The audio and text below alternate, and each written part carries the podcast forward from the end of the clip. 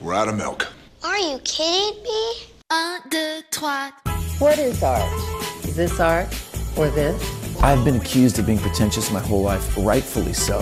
I always encourage young people to be pretentious. Norway. Fish fingers in Norway. Fenders Norway. We know a certain fjord in Norway. In order to be a great artist, you simply have to be a great artist. There's nothing to learn.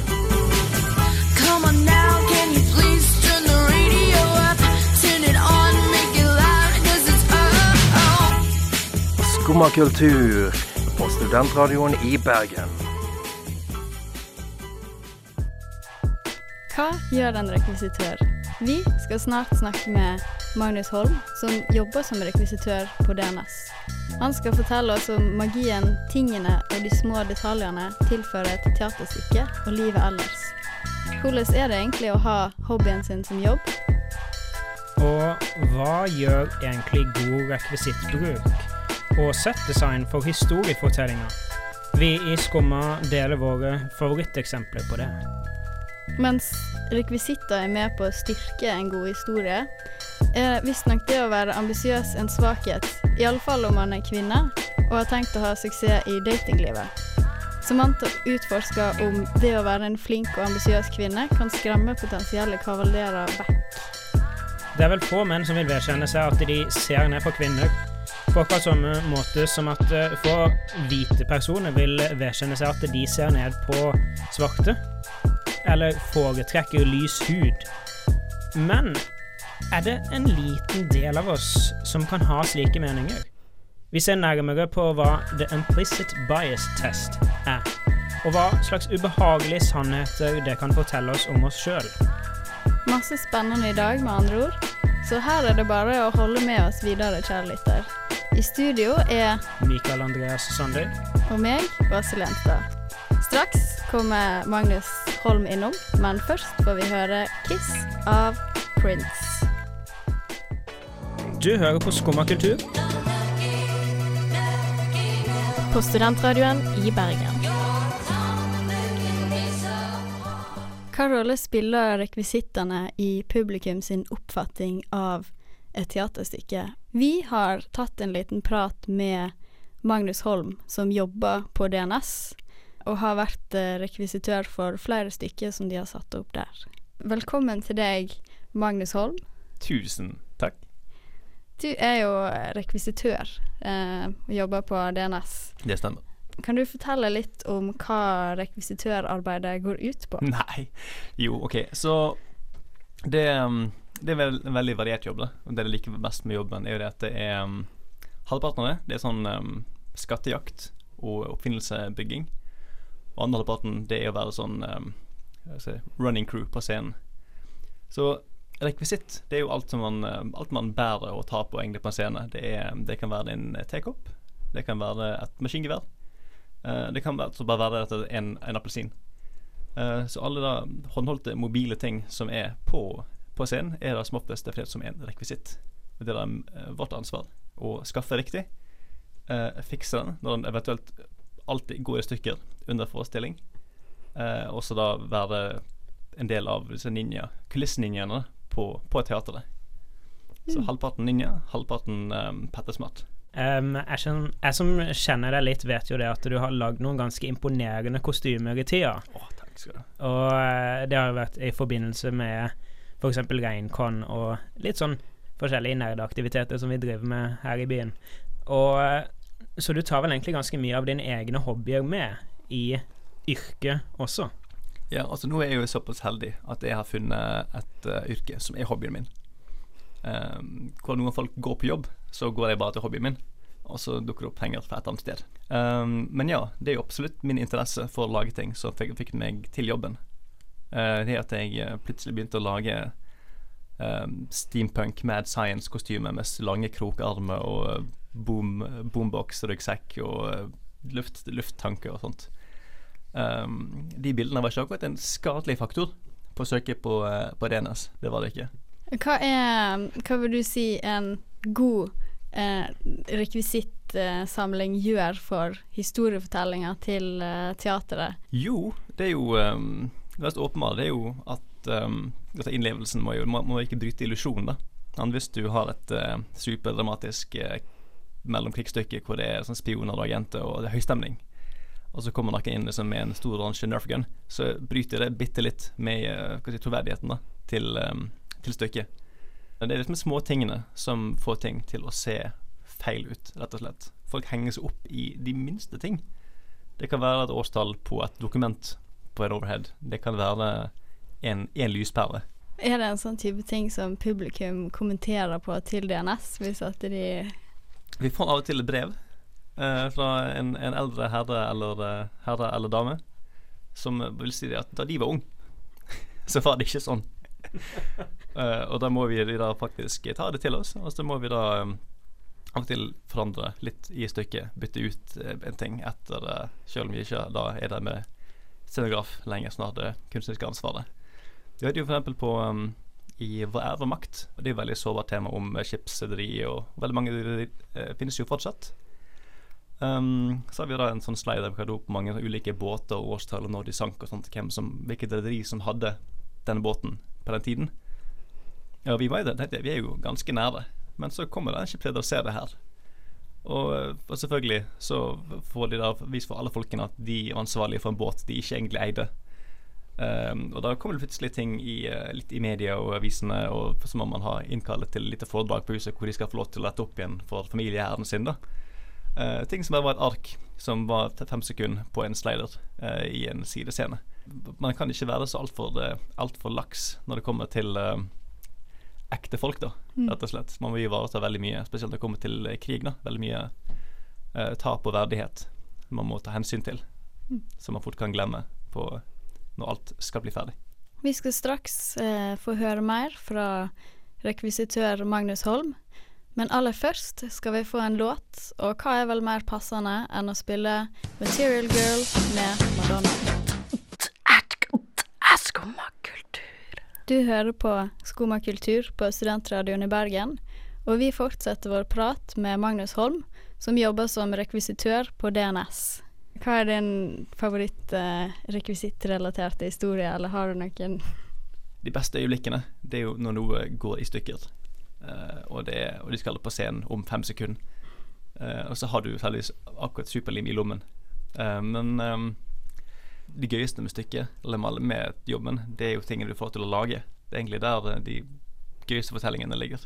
Av og til så kommer det en um, med et ønske, da. De har lyst til å få laget en, eh, laget en dings. Um, og de vet ikke hvordan dingsen skal lages, men de vet at de vil ha dingsen. Um, og de har hatt stykke opp i et annet teater før, og de fikk ikke til dingsen. Tingen X, hva enn den tingen er, da. Og det er um, en sånn ting som liksom går og gnager litt, da. Um, og da, det er jo er det bare en utfordring, og da får jeg ild i øynene, og så setter jeg i gang. Um, så det er jo et par ting jeg har laget. Det ene var jo du skal ha eh, på en julefortelling for noen år siden nå, på um, Dickens. Så skulle de ha en Det skulle da få tidens jul komme inn.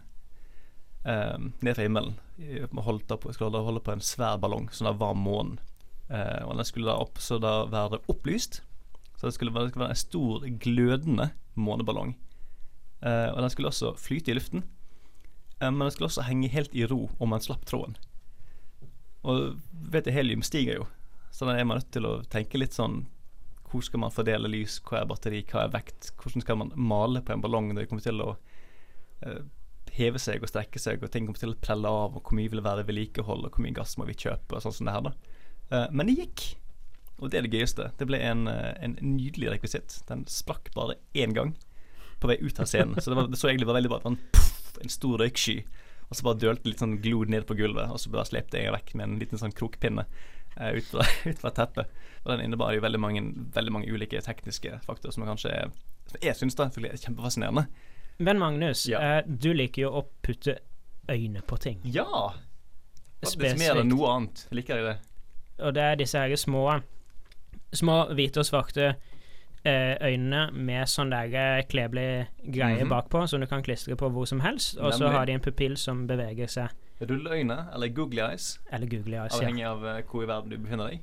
Ja, jeg er da en, en iherdig Google-øyer.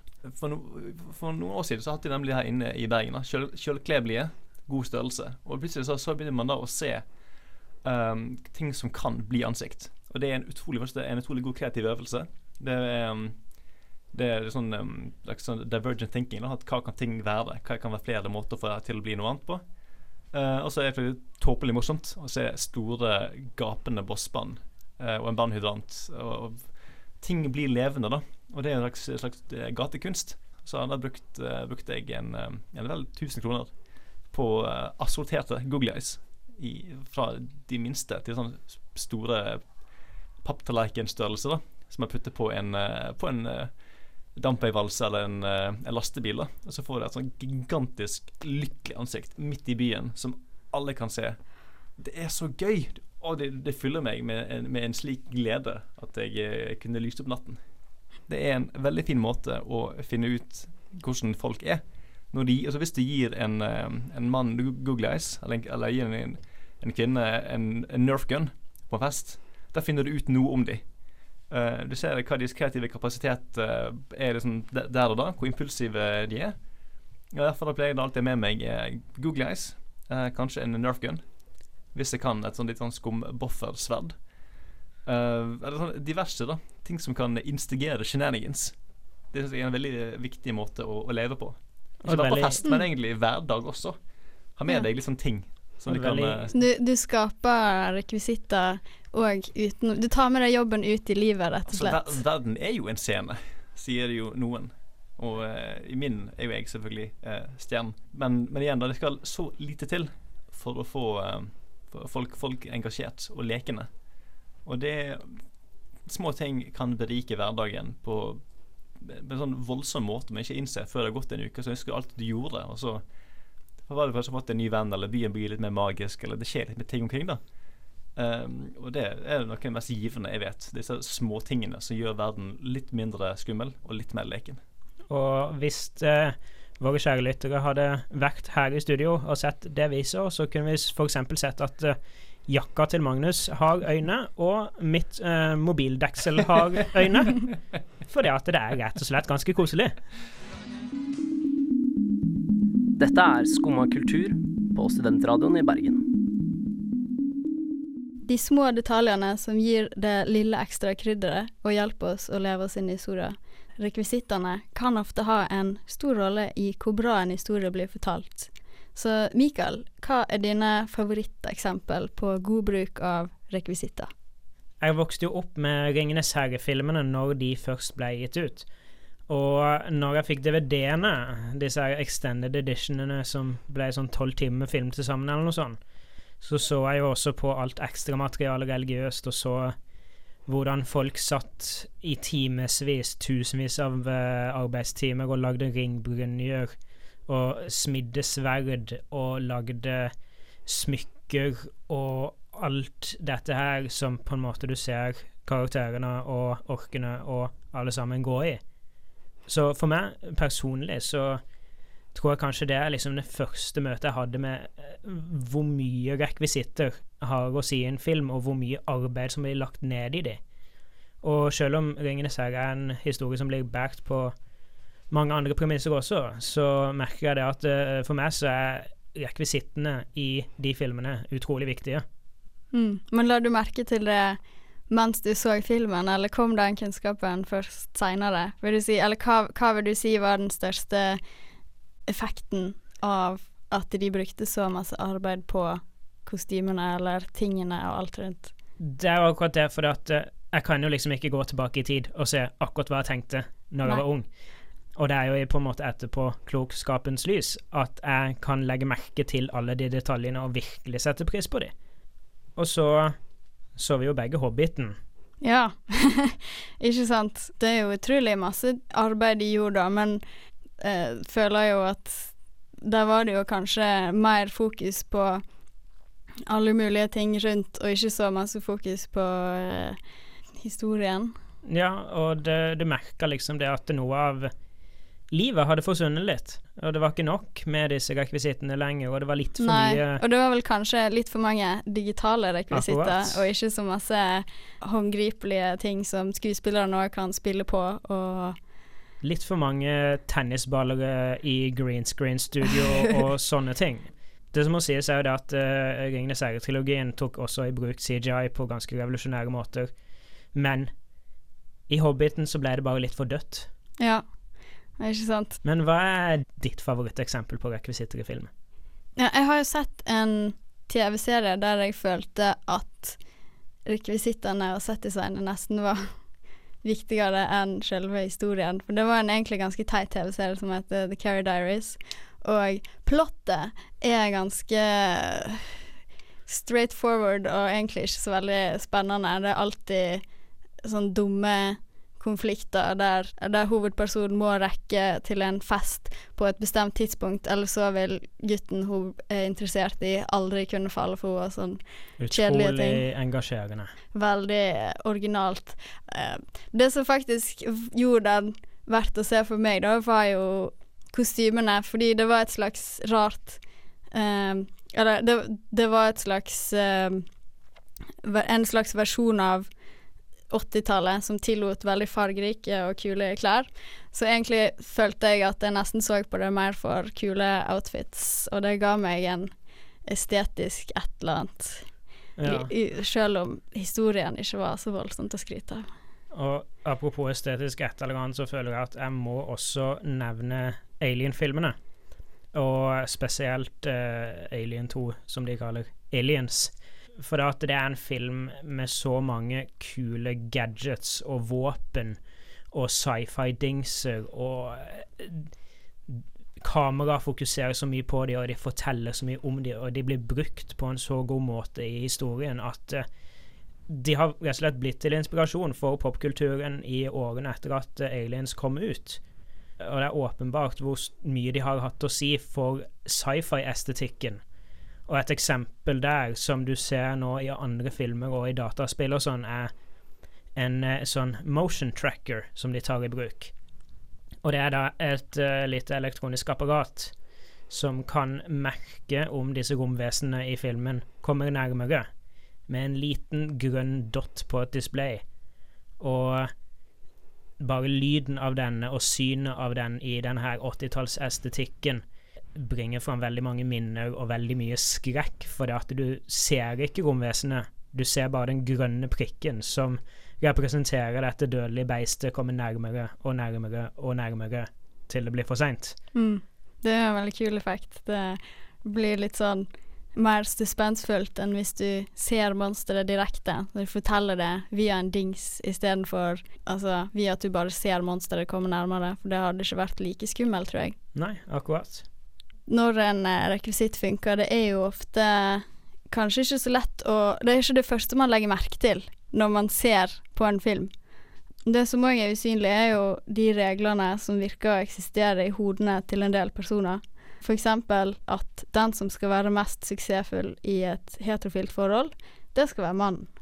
Og om litt så skal vi høre Samantha diskutere hvordan det å være flink og ambisiøs ikke nødvendigvis er en fordel i datinglivet. Er flinke kvinner rett og slett intimiderende for menn? Først skal vi få høre Nata Di Marzo av Pizzicata 5. Du hører på Skumma kultur på studentradioen i Bergen. Jeg satt oppe alene en kveld på studentradioen, redigerte en sending. Det er mye arbeid som går bak disse sendingene, kjære lytter. Men så fikk jeg øye på en fyr. Han jobbet alene på hans kontor, og vi hadde gått forbi hverandre flere ganger, smilet, og etter hvert endte vi opp med å prate.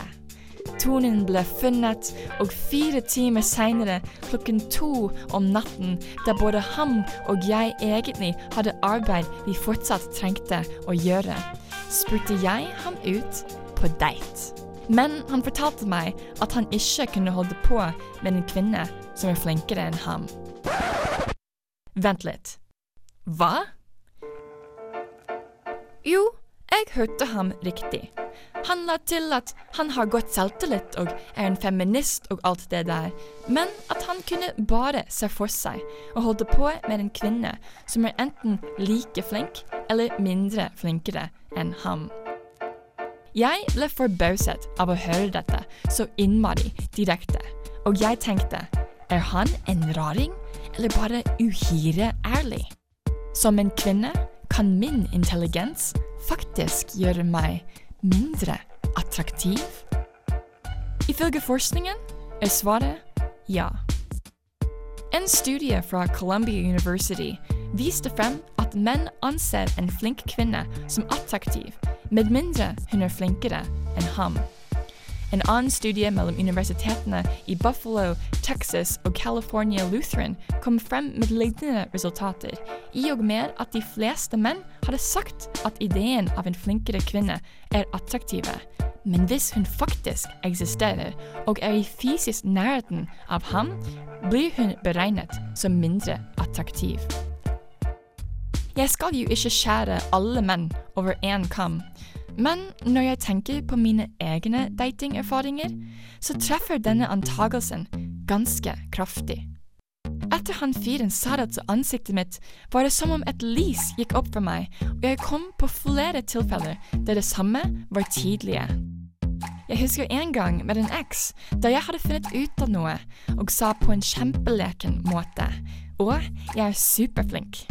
Og så sa han dødskaldt og meget alvorlig Nei, Samantha, du er nok ikke superflink. Du er temmelig flink, men du er ikke superflink. Jeg spurte ham med en gang hvor kom det fra, hvorfor måtte han si det, og etter hvert sa han sorry. Siden jeg tok over skummakultur for et år siden, opplever jeg ikke at det å si at jeg er programsjef, er en turn-on. Ofte opplever jeg istedenfor fire som må one-up meg og kommer umiddelbart med stillinger og oppnåelser og imponere med, til noen ganger ganske underveldende resultater. Jepp, revyen din. På videregående. Tre år siden. Det er også en ubehagelig sannhet for meg å reflektere over at jeg hadde det lettere innenfor dating, da jeg ikke kunne norsk like godt som jeg gjør i dag. Altså da jeg måtte bare nikke mye og dele mindre av mine egne meninger. Så hvordan takler jeg denne informasjonen? Hva betyr det for meg egentlig når jeg navigerer datingverden og alle de skjøre, mannlige egoene konnoterte der? Som Natalie Portman, som gikk på Harvard University, tilsynelatende sa Smart women love smart men more than smart men love smart women. Jeg tror hun har dessverre rett. Dette er Hadia Tajik. Du hører på Skumma kultur på studentradioen i Bergen. Fikk du høre 'Flawless' av Beyoncé med sitater fra Chimamanda Ngozi Adichie. En sang der det handler om hvordan kvinner ofte må gjøre seg mindre i forhold til menn. Som jo er passende med tanke på historien vi nettopp fikk høre, der Samantha fortalte om å ha oppnådd mye, og om mennene hun snakker med sin trang til å virke mer imponerende enn hun. Hva tror du egentlig er grunnen til at det er sånn, Mikael?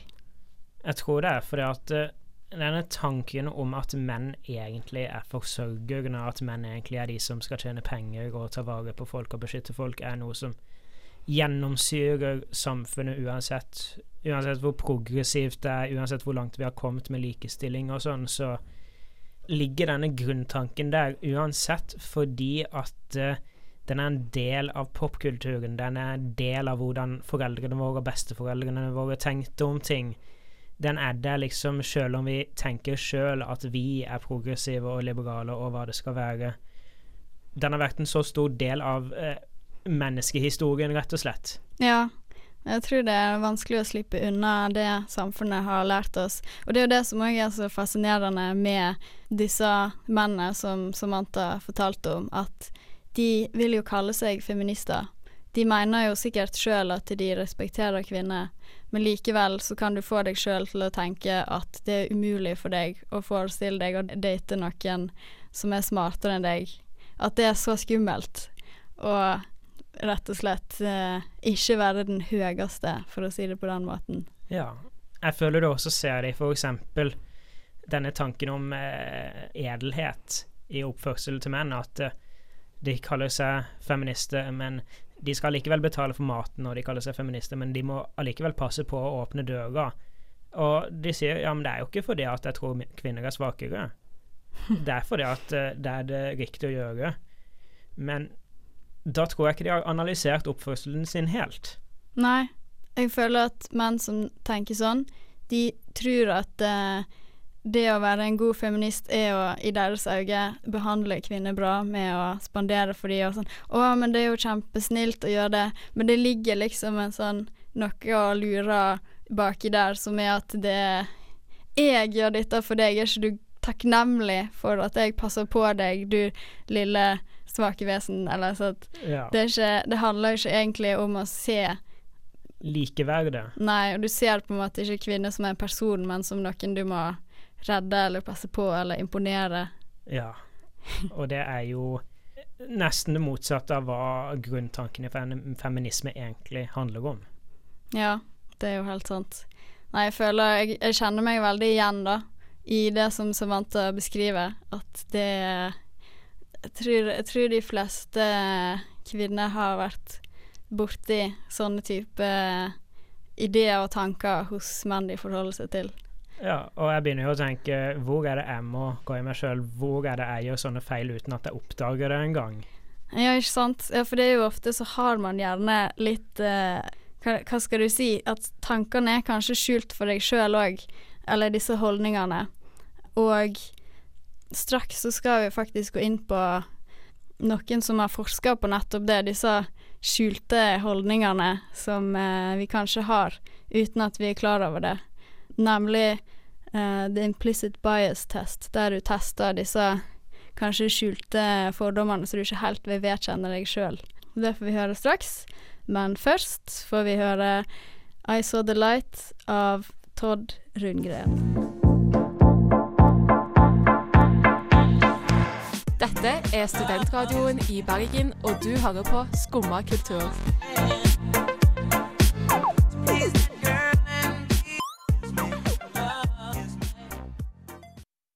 Meninger har du egentlig om eh, kontroversielle tema? Er du egentlig så politisk korrekt i ditt underbevisste liv? Dette ville forskere ved Harvard University finne ut av, så de forsøkte å lage en test der de ville måle disse tankene som du kanskje ikke har lyst til å vedkjenne sjøl. De kalte det for The Implicit Bias Test. Og Mikael, har du lyst å forklare hvordan disse testene er bygd opp? Det fungerer for så vidt på en ganske enkel måte. En form for testing som jeg er kjent med fra før av, på, som brukes på andre områder. Der du sitter ved et tastatur, og så får du opp bilder. Og så skal du trykke på én av to knapper som da tilhører kategorien det bildet passer inn i. Så på en av disse testene eh, som skulle teste din reaksjon på hudfarge, så skulle du sitte med hånda på I- og L-knappen, om jeg ikke husker helt feil. Og når det kom opp et eh, mørkt ansikt, så skulle du trykke på I. Når det kom opp et, lyst ansikt, så skulle du trykke på L. Og så miksa det litt opp, da, med å eksempel gjøre sånn at når det kom opp et lyst ansikt og et negativt ord, altså et ord med negative konnotasjoner, så skulle du trykke på I. Når det kommer opp et mørkt ansikt og et ord med positive konnotasjoner, så skulle du trykke på L. Ja. Så det er på en måte et slags uh, sorteringsspill, uh, der du har én side for svarte ansiktet, en side for hvite ansiktet, og så samtidig en side for positive ord og en side for negative ord. Ja, og så tester, eh, tester han også på en måte hvor mye tid du bruker på å trykke på hvert valg. Hvor mange feil du gjør ved å f.eks. trykke venstre når du skulle trykke høyre hvis det var et Mm. negativt og ikke et positivt ord, osv. Ja. ja, for trikset er jo det at du får to forskjellige situasjoner. Og det ene er hvis de positive ordene er i lag med hvitt ansikt, og det negative med et svart ansikt. Og så bytter de underveis, Ja. sånn at du har positive ord med et svart ansikt og negative ord med det hvite ansiktet. Ja, den tester assosiasjonsevnen din rett og slett på forskjellige plan og på forskjellige måter, og den bruker all denne dataen da til å komme med en måling på hvor fordomsfull du er. Nettopp. Og eh, Mikael, jeg fikk jo deg til å ta en av disse testene her, og hva avslørte den om deg? Den avslørte at jeg hadde en eh, viss preferanse for lys hud, Mm. rett og slett. Ubevisst så hadde jeg denne preferansen. Ja. Det syns jeg er skikkelig fascinerende, at det tar det lille mikrosekundet ekstra å assosiere positive ord med et mørkt bilde versus motsatt. Akkurat. Du kan ikke planlegge for disse tingene, du kan ikke styre dem. Den bruker virkelig det, den ubevisste delen av hjernen din. Mm. Jeg tok jo denne testen sjøl, og måtte jo eh, og konkludere med at både mørk hud og lys hud, så foretrekker jeg lys hud, og òg en tilsvarende test der det er europeiske ansiktstrekk og eh, afroamerikanske ansiktstrekk, så, så viser jeg en moderat preferanse for europeiske lyshuda mennesker. Og jeg måtte ta testen flere ganger for å finne ut Er det virkelig sånn? Er det, er det sånn jeg er i min indre, mitt indre fordomsliv?